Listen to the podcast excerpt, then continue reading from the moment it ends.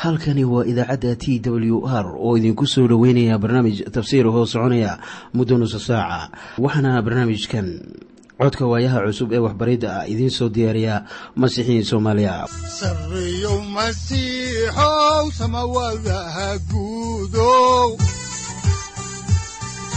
siraadkii adduunkow subanaha eebow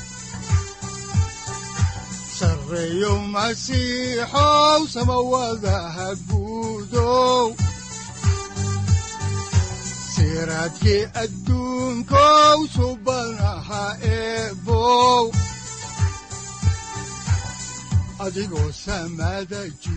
ku soo dhowaada dhegaystayaal barnaamijkeenna dhammaantiinba waxaan horay u sii ambaqaadi doonnaa daraasaadkii la magac baxay baibalka dhammaantii waxaannu horay idinku sii wadi doonnaa kitaabkii afaraad ee muuse oo loo yaqaanno tirintii. Waxaan caawa idin bilaabi doonnaa cutubka soddonaad oo aynu kaga gudbi doonno kan kow iyo soddonaad ilaa iyo kan laba iyo soddonaad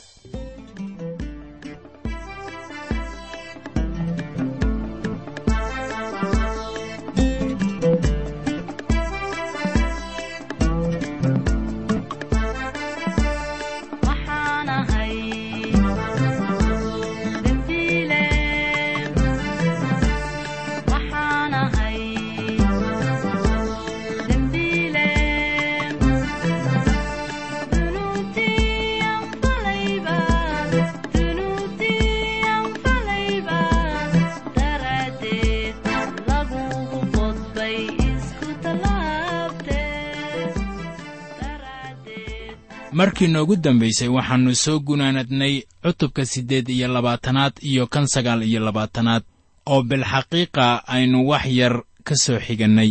Waxaa taasi ugu wacnaa in cutubkaasi uu yahay nakhtiinka cutubka saddex iyo labaatanaad ee kitaabka laawiyiinta. Waxaana uu sharaxayay maalinta caanka ah ee loo yaqaanno yoom kibuur oo ah maalin laga qoomamoodo dembiyada dadku ay galaan yoom kibuur. Waxay timaadaa ama ku soo aadaa bilaha sebteembar ama oktoobar mawduuca cutubkan soddonaadi wuxuu ka hadlayaa sharciga nidarka. Kadib markii aynu soo aragnay sharciga qurbaanka waxaannu arkaynaa haatan sharciga quseeya nidarrada dadku ay galaan. Sharciga nidarrada ee cutubkan ku qoran wuxuu qaas u yahay haweenka waxaannu soo aragnay in haweenka lagu soo daray sharcigii dhaxalka. Iminka waxaynu baranaynaa in haweenka xitaa ay leeyihiin mas'uuliyad. Haatanna waxaynu ka hadlaynaa marka la fulin waayo nidar horay loo galay. Waxaa markaasi aynu horay ugu soo aragnay kitaabka laawiyiinta nidarka waxaanan diiradda saaraynaa sida ay u ahmiyad ballaaran tahay waxyaabaha ilaah uu ku daray ama uu ka doonayo nidarka. Wuxuu carruurtiisa ama aan idhaahdee dadkiisa uga digayaa inay ka taxadiraan marka ay nidar la dhiganayaan isaga. Ilaah wuxuu qofka mas'uul uga dhigayaa nidarkiisa ama waxyaabaha uu nidray inuu u sameeyo sidii uu u nidray. Marka digniintu waxay tahay inaan nidarka si nacasnimo ah loo samaynin. Nidarku waa fal ikhtiyaar ah oo qofka aan lagu qasbin laakiin wanaagga rabbiga aawgii baa loo galaa. Waxaan haddaba u malaynayaa inay khatarteeda leedahay. Ma ahan in dadku ilaah wax ay u ballanqaadaan oo haddana ay fulin waayaan. Waxaa jira dad badan oo baryaha kan yidhaahda ilaah baan isku dhiibayaa oo haddana ka baxa marka anigu waxaan dadka u sheegayaa inayaan nidar gelin si ayaan ilaah hortiisa eed ugu lahaanin. Ilaah inama weyddiisto inaan nidar galno. Nidarku waa howl ikhtiyaar ah laakiin haddii aynu nidar galno ilaah wuxuu inaga dhowrayaa inaan wixii aan afkeenna ka sheegnay fulinnaa waxaanan mas'uul ka nahay wixaas aynu hortiisa ka qirannay haddaan xigashada kitaabka idiin bilowno ayaannu eegaynaa kitaabka tirintii cutubka soddonaad aayadaha kow ilaa labo. Waxaa qoran sida tan. Kolkaasaa muuse madaxdii qabiilooyinka reer banu israa'iil la hadlay oo wuxuu ku yidhi intanu waa wixii rabbigu amray. Markii nin rabbiga nidar u diro amase uu dhaar ugu dhaarto oo uu naftiisa sidaas ugu xidho waa inuusan ereygiisa jebin waa inuu sameeyaa kulli wixii afkiisa ka soo baxay oo dhan. Tani haddaba way u ahmiyad ballaaran tahay masiixiyiinta maanta. Bawlos xaalka nidarka ayuu maanka ku hayey markii uu lahaa sida ku qoran warqaddii reer rooma cutubka tobanaad aayadaha sagaal ilaa toban. Waxaana qoran sida tan maxaa yeelay haddaad afka ka khiratid in ciise uu yahay rabbiga oo aad qalbiga ka rumaysatid in ilaah isaga oo ka sara kiciyey kuwii dhintay waad badbaadi doontaa waayo qalbiga wax baa laga rumaystaa xagga xaqnimada. Afkana wax baa laga qirtaa xagga badbaadinta. Haddaba sidee baad u rumaysanaysaa sayid ciise masiix? Waxaad ka rumaysanaysaa xagga qalbiga. Haddaba maxaa dabeeta dhacaya? Qirashada la qiranayo afka ayay ka timaadaa. Marka haddaba aad afka wax ka qiranayso ayaa taasu ay noqonaysaa nidar. Waana hadal rumaysad ku yimid gunta xaajaduna waxa weeye inaan afka uun laga sheegayne xitaa qalbigana uu gaarsiisan yahay. Oo xagga niyadda waa in rumaysadka waxa aad odhanayso ka yimaado. Haddaba labadaas ficil ee aad samaynayso waa inay iswaafaqsan yihiin. Maxaa yeelay xagga niyadda xaqnimada ayaa laga rumaystaa oo xagga afkana wax baa laga qirtaa waxaanay saamaynaysaa xagga badbaadinta. Haddaba nidarka haweenku wuxuu ku xidhan yahay aabbaheed ama ninkeeda. Haddaan xaalkaasi idiin faaqidno ayaannu eegaynaa cutubka soddonaad aayadaha saddex ilaa afar waxaana qoran sida tan. Qof dumar ahuna markay rabbiga nidar u nidarto oo ay sidaas nafteeda ugu xidho oo ay gurigii aabbaheed joogto iyadoo dhallinyaro ah. Haddii aabbaheed uu maqlo nidarkeeda iyo dhaarteedii ay nafteeda ku xidhay oo uu markaasi iska aamuso dee markaas nidiradii oo dhammu way taagnaan doonaan oo dhaar kastoo ay nafteeda ku xidhayna way taagnaan doontaa. Marka dhanka kale laga eego haddii qofkaas dumarka ah uu nidar galo inta aan la guursan oo ay aabbahayd la joogto aabbaha ayaa mas'uul ka noqonaya wixii ay nidarto haddii aabbuhu uu iska aamuso markii uu maqlo iyada oo sheegaysa nidarka nidarkii ay gashay wuu taagnaan doonaa. Laakiin haddii aabbaheed uu soo dhex galo oo uu yidhaahdo war toddobaadkan baaban wax u soo gadayaaye sidee baan haddana wax kale mas'uul uga noqon karayaa waxaa caddaan ah in nidarku aannu qabsoomaynin. Haddii uu aabbaheed soo dhex galo waxaa nidarku uu ku qabsoomaa haddii uu isagu joogo meeshaas ay nidarka ku gelayso gabadhu. Haddii kale qabsoomi maayo. Haddaan horay u sii ambaqaadno oo aan eegno aayadda shanaad ee cutubka soddonaad waxaa qoran sida tan. Laakiinse haddii aabbaheed u diido maalintii u maqlo nidiradeedii iyo dhaaraheedii ay nafteeda ku xidhay midkoodna taagnaan maayo oo rabbiguna wuu cafiyayaa iyada. Maxaa yeelay aabbaheed baa u diiday. Haatan maxaa dhacaya haddii naagta la guursaday? Waxaan ka eegaynaa xigashada oo horay baannu u sii wadaynaa kitaabka afraad ee muuse oo loo yaqaanno tirintii aayadaha lix ilaa siddeed ee cutubka soddonaad. Waxaa qoran sida tan oo hadday nin leedahay iyadoo ay kor saaran yihiin nidiradeedii iyo hadalkeedii degdegga ahaa oo bushumaheeda ka baxay oo ay nafteeda ku xidhay. Haddii ninkeedu uu maqlo oo uu iska aamuso maalintii uu maqlo markaas nidiradeedii way taagnaan doonaan oo dhaaraheedii ay nafteeda ku xidhayna way taagnaan doonaan. Laakiinse haddii ninkeedu uu u diido maalintii uu maqlo markaasuu burin doonaa nidarkii saarnaa iyo hadalkii degdegga ahaa oo bushumaheeda ka baxay oo ay nafteeda ku xidhay oo rabbiguna iyada wuu cafiyi doonaa. Haddii naagtu ay iibsato dhar qaali ah oo haddana ay doonayso inay ilaah hortii nidar ku gasho ninka dood baa u furan oo wuxuu odhan karayaa gacaliso soo shalay dhar qaali ah maadan iibsan. Waa maxay haddana nidarkan aad gashay?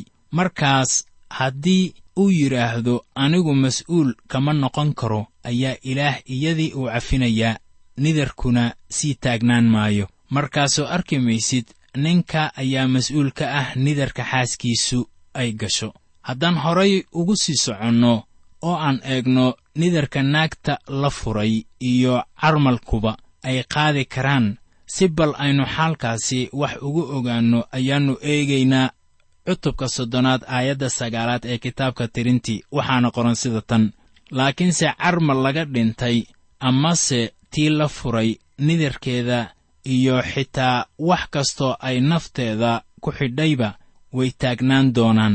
Naagta carmalka ah waa xor oo iyada ayaa qaadi karaysa nidarkeeda naagtaas oo kale innaba uma baahna in nin wakiil ka ahaado markii ay ilaah wax u nidarto. Miyaad haddaba arkaysaa in waxyaabaha aad ilaah u ballanqaaddo ay muhiim u yihiin inaad u fuliso sidaad u tidhi wuxuu doonayaa in ay bixiyaan wixii ay ballanqaadeen dadkiisa. Ilaah wuxuu dhowrayaa nidarkiisa wuxuuna kuwa raacsan ka doonayaa inay dhowraan wax kasta ee ay nidiraan nidar buu u galay nebi ibraahim wuxuu yidhi faracaagu way barakaysnaan doonaan wuuna ka dhabeeyey. Wuxuu kaloo u sheegay in uu dhul siinayo faraciisa wuuna siiyey. Wuxuu kaloo dhowray ballankiisii addoonkii daa'uud. Ilaah mar waliba wuu fuliyaa wixii uu ballanqaado.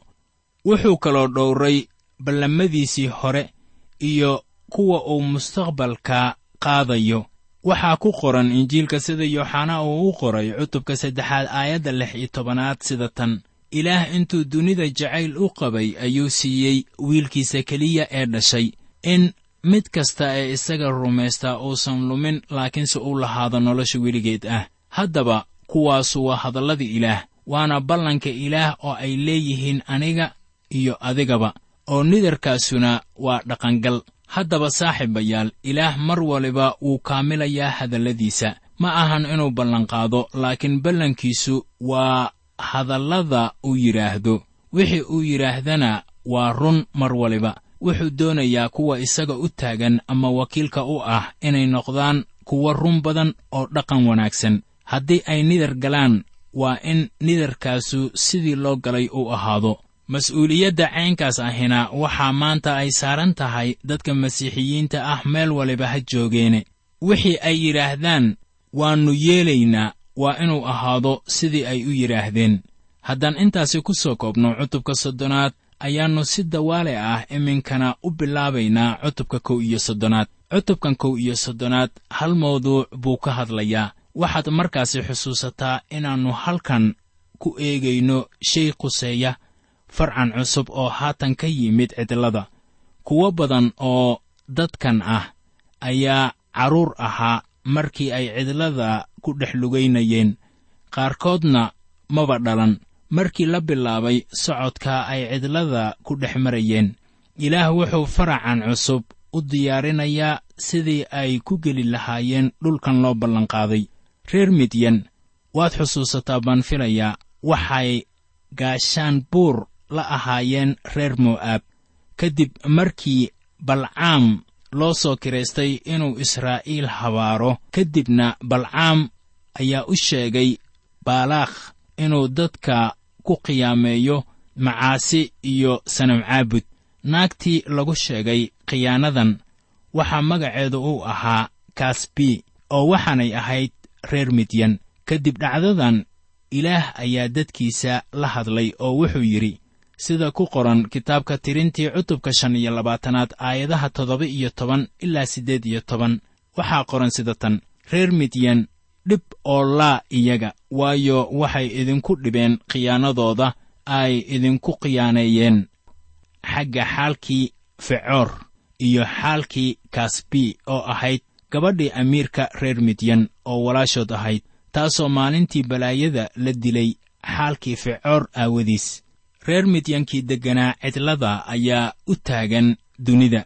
Kuwa ilaah ka cabsadaa ayaa xagga ruuxa aan lagu tirinin kuwa dunida ku xidhan maanta. Haddaba xukun baa la saaray reer midyan markay sidaas tahay ayaannu haatan gelaynaa ficilkii ugu dambeeyey ee rasmiga ahaa ee muuse uu qabto. Markiise aynu gaarno kitaabka sharciga ku noqoshadiisa ayaannu arki doonnaa howshii ugu dambaysay ee shakhsi ahaaneed ee nebi muuse uu qabto. Haddaba haatan wuxuu gudagelayaa howshii ugu dambaysay ee uu qabto waxaana weeye dagaalkan ay ku qaadayaan reer midyan. Haddaan markii ugu horraysay idin akhrinno cutubka kow iyo soddonaad ee kitaabka afaraad ee tirintii aayadaha kow ilaa saddex waxaa qoran sida tan. Markaasaa rabbigu muuse la hadlay oo wuxuu ku yidhi reer banu israa'iil uga aargud reer midyan oo taas dabadeedna dadkaagaad ku darman doontaa. Markaasaa muuse dadkii la hadlay oo wuxuu ku yidhi war idinku dhexdiinna rag dagaal ugu diyaariya oo hub siiya inay reer midyan ku kacaan oo ay rabbiga reer midyan uga aargudaan. Haatan ilaah wuxuu muuse ku amrayaa inuu duulaan ku qaado reer midyan oo uu israa'iil u aaro oo welibana waa in si kulul loola macaamiloodo. Haddaan horay idinku sii wadno oo aan eegno tirintii cutubka kow iyo soddonaad aayadda lixaad waxaa qoran sida tan. Markaasaa muuse kumba qabiil dagaalka uga diray iyagii iyo fiinexaas wadaadkii elecasaar wiilkiisii ahaa isagoo wada alaabtii meesha quduuska ah iyo turumbooyinkii dhawaaqa digtoonaanta oo gacanta ugu jira. Haddaba markaan aayaddaasi milicsanno ayaannu arkaynaa in nebi muuse laba-iyo toban kun oo nin uu dagaalka u diray oo weliba waxaa horay loo soo qaadanayaa qalabka taambuugga si loo muujiyo in dagaalkani u yahay mid ruux ahaaneed. Haddaan horay idinku sii wadno kitaabka oo aan eegno aayadaha toddoba ilaa siddeed waxaa qoran sida tan oo waxay la dirireen reer midyan sidii rabbigu muuse uga amray oo waxay dileen mid kasta oo rag ahaa oo boqorradii reer midyan ayay la dileen kuwii kaloo la laayey oo shantii boqor oo reer midyan waxay ahaayeen awii iyo reqem iyo suur iyo xuur iyo rebac oo balcaam oo ahaa ina becoorna seef bay ku dileen. Waxaa haddaba halkan laynoogu sheegayaa wixii ku dhacay boqorradii reer midyan ilaah wuxuu haatan siinayaa iyaga guusha kadib markii ay dileen reer midyan waxaa haddaba halkan ciqaab lagu soo rogay dadkii quruumaha ka hor intaanay reer banu israa'iil ayaan gelin dhulkii la ballanqaaday wax sidan oo kale ah ayaa dhacaya ka hor intaannu masiixu imaanin. Markii wakhtigu uu buuxsamo israa'iil oo aan ognahay in dhib weynu uu haysto haatan ayaa dalkan la soo dejin doonaa oo halkanna nabad bay ahaan doontaa laakiin haatan dhib weyn baa halkaasi ka taagan. Haddaan horay idinku sii wadno kitaabka oo aannu eegno aayadda sagaalaad ee cutubka kow iyo soddonaad waxaa qoran sida tan. Oo reer banu israa'iil waxay maxaabiis ahaan u wateen dumarkii reer midyan iyo dhallaankoodiiba oo lo'doodii oo dhan iyo idahoodii oo dhan iyo alaabtoodii oo dhan way wada dhaceen ilaah baa markan guul siiyey oo welibana hal nin ahi dagaalka ugama dhimanin. Sida ku qoran aayadda afartan iyo sagaalaad ee cutubkan kow iyo soddonaad. Haddaan soo gunaanadno cutubkan oo aynu ku ekaynayno aayadaha afar iyo toban ilaa lix iyo toban waxaa qoran sida tan. Markaasaa muuse uu u carooday saraakiishii ciidanka kuwaas oo ahaa kun utaliyayaashii iyo boqol utaliyayaashii ka yimid hawshii dagaalka oo muuse wuxuu iyagii ku yidhi war dumarkii oo dhan miyaad badbaadiseen? Bal eeg taladii balcaam aawadeed kuwanu waxay reer banu israa'iil ka dhigeen inay rabbiga kaga xadgudbaan xaalkii ficoor oo sidaas daraaddeed balaayada uga dhexdhacday shirkii rabbiga. Haatanna waxaannu horay ugu sii soconaynaa casharadeenna waxaanan bilaabaynaa cutubka soddon iyo labaad ee kitaabka tirintii. Haddaba mawduuca halkan lagu lafagurayaa waxa weeye reer rubeen iyo reer gaad oo dhul ka weyddiisanaya meel aan habboonayn oo webiga geeskiisa ah. Cutubkanina wuxuu inoo sheegayaa qabiilada aan sida buuxda howlaha ilaah ula soconin. Ruubeen iyo reer gaad iyo kalabar reer manaseh ayaa waxay dhul ka doonayaan meel aan loogu talagelin ee webiga jordan ah. Dhacdadan waxay inoo leedahay ama xambaarsan tahay farriimo xagga ruuxa ah oo aynu isticmaali karayno. Marka aynu ka fikirayno in webi jordan uu yahay ama uu u taagan yahay nooc ah dhimashadii iyo sarakiciddii masiixa. Haddaan idin bilowno kitaabka ayaannu haatan idin bilaabaynaa xigashada cutubkan soddon iyo labaad waxaanan eegaynaa aayadaha kow ilaa shanaad. Waxaa qoran sida tan haddaba reer rubeen iyo reer gaad waxay lahaayeen xoolo fara badan oo markay arkeen dalkii yacser iyo dalkii gilicaad inay meeshaasu xoolo u wanaagsan tahay ayaa reer gaad iyo reer rubeen ay u yimaadeen muuse iyo wadaadkii elicasaar ahaa iyo amiiradii shirka oo waxay ku yidhaahdeen cataarot iyo di'oon iyo yacser iyo nimraah iyo xesboon iyo elicaaleh iyo sebaam iyo nebo iyo becon oo ah dalkii rabbigu wax kaga dhuftay reer banu israa'iil hortooda waa dal xoolo u wanaagsan oo annagoo addoommadaada ahuna xoolo baannu leennahay oo weliba waxay yidhaahdeen haddaad raalli naga tihiin annagoo addoommadaada ah dalkan inaannu hantinno noo sii oo webi urdun ha naga gudbin. Haddaba muuse waa la dawaqmay codsiga caynkan oo kale ah. Haddaan horay idinku sii wadno xigashada ayaa waxaa ku qoran aayadaha lix ilaa toddoba sida tan. Markaasaa nebi muuse wuxuu reer gaad iyo reer rubeen ku yidhi war walaalihiin ma dagaalkay galayaan oo idinku aad iska fadhiisanaysaan oo maxaad reer banu israa'iil uga qalbi jebinaysaan inay u gudbaan oo ay galaan dalkii rabbigu iyaga siiyey. Wuxuu weli xusuusan yahay nebi muuse markii nimankii dalka soo basaasay afartanka sannadood ka hor intay yimaadeen ay dadkii ka niyad jebiyeen inay dhulka galaan. Haddaan horay idinku sii wadno xigashada kitaabkan afraad ee muuse waa cutubka soddon iyo labaad aayadaha siddeed ilaa sagaal ayaa waxaa qoran sida tan. Aabbayaashiinna sidaasay yeeleen markaan iyaga ka diray qaadeesh berneeca inay dalka soo arkaan aawadeed.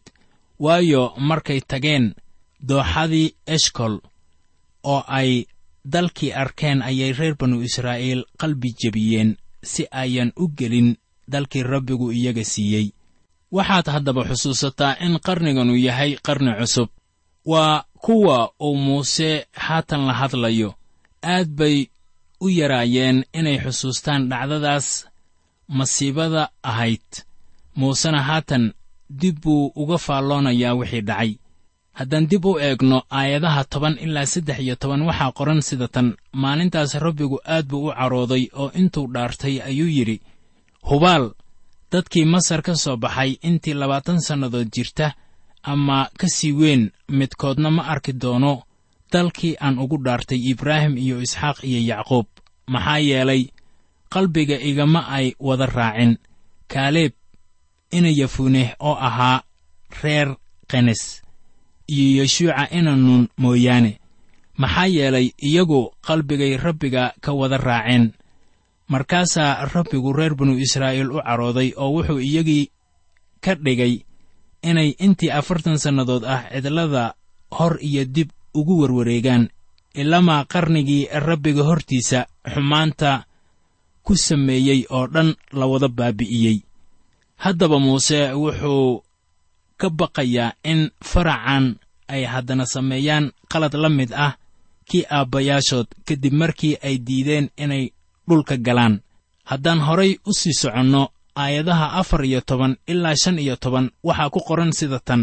Haddaba bal eega idinku meeshii aabbayaashiin baad ka kacdeen oo waxaad tihiin niman dembi miidhan ah oo soo kordhay inaad rabbiga kaga sii caraysiisaan reer banu israa'iil.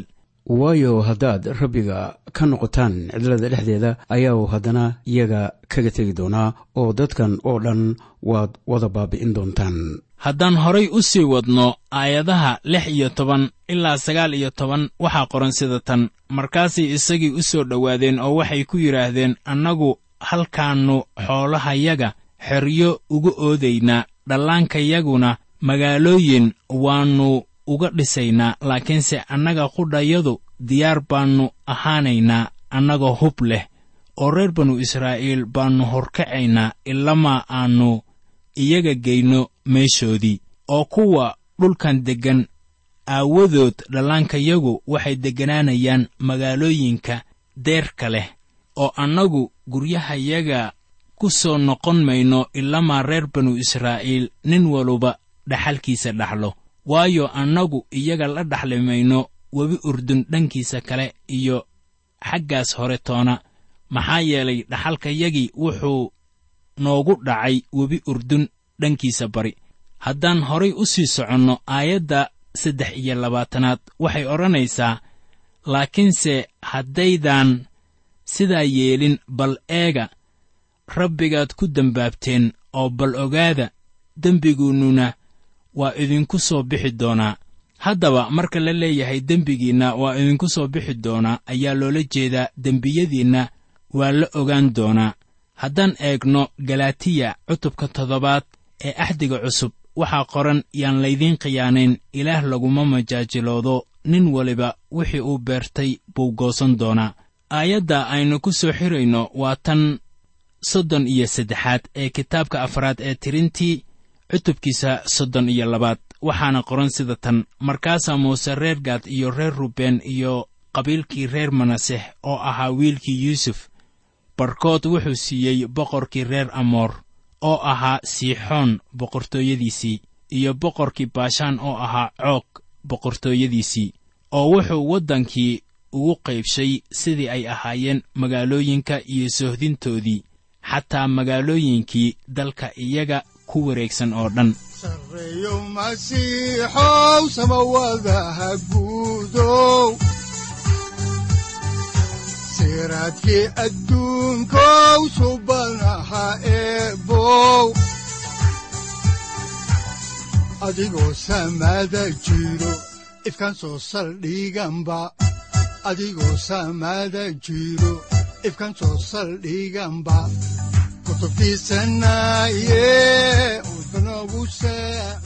halkani waa t w r idaacadda t w r oo idinku leh ilaa ha idin barakeeyo oo ha idinku anfaco wixii aad caawi ka maqasheen barnaamijka.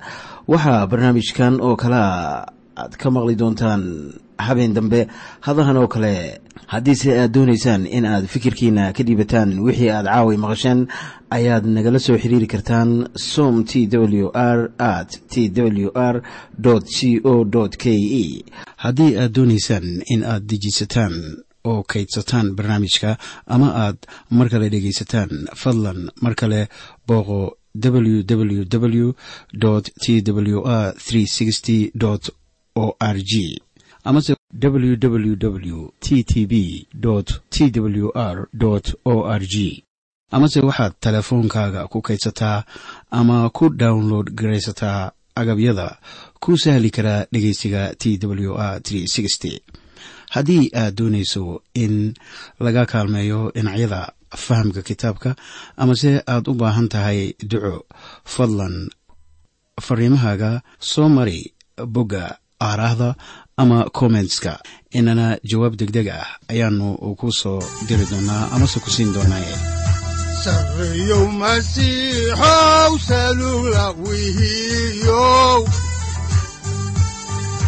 saacadda timid dhulka sabada ku dhalatiyo